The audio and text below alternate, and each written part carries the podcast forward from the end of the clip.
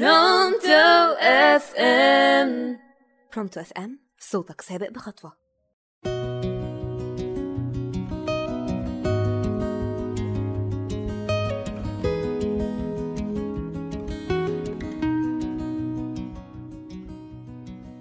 يا مساء الخير على كل اللي بيسمعونا. معاكم هاجر حسام في حلو الكلام على برونتو اف ام موضوعنا النهاردة مهم جدا. عن العلاقات اللي بتأثر علينا في حياتنا.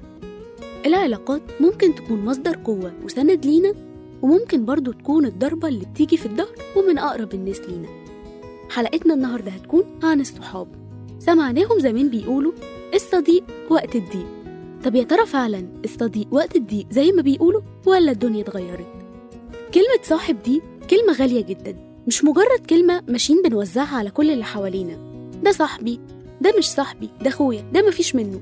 كل الكلام ده بيفقد معناه لما بيتقال في غير موضعه. كلمة ده صاحبي علشان تتقال بتكون محكومة برابط العشرة والعشرة بتيجي من المواقف. المواقف أكتر حاجة ممكن تبين حقيقة اللي قدامك وخصوصا لو صاحبك. صاحبك يعني يقف جنبك وقت شدتك ويستحملك ويقويك ويسندك ويفرح لفرحك ويزعل على زعلك. صاحبك يعني تحكي له وتفضفض له وتقول له أسرارك اللي عمرك ما هتقدر تحكيها لحد غيره. وما يغيرش منك ويتمنى لك الخير وما يحقدش عليك ولا يحس إن نجاحك بيهدده. هتقولي نجاحي أنا بيهدده؟ أيوة نجاحك بيهدده. في صحاب لما بتشوف صحابها بتنجح بتحس إن النجاح ده بيهددها وبيزلزل حياتها والغيرة والحقد يملاهم. وما تجيش تقول صاحبك على عيبه. آه إحنا كلنا فينا عيوب ولكن بنختار عيوب نعرف نتعايش معاها. عيوب ما تكونش مؤذية لينا. وعلشان كده هقول لكم أشهر خمس علامات لو تعرضت ليهم من صاحبك لازم تعيد التفكير في صداقتكم دي من تاني. أول حاجة هي إنه يجيلك وقت مشاكله. بمعنى إنه يجيلك دايما علشان أنت مستمع جيد وبتفكر في حلول وبتعرف تتقاسم معاه وجعه وألمه. يحكي كل الوحش كل الألم كل المعاناة اللي بيعانيها. وأول ما الفترة الصعبة دي تمر ما يعرفكش تاني أصلا. تتفاجئ بعدها بقى إنه اشتغل في منصب كويس خطب اتجوز ولو انت عندك مشكلة ورحت له ما تلاقيهوش كأنه فص ملح وداب. وأهم حاجة هي إنه ما يكدبش عليك. الكذب دايما بيخلي الصحاب يخسروا بعض. صاحبك يواجهك.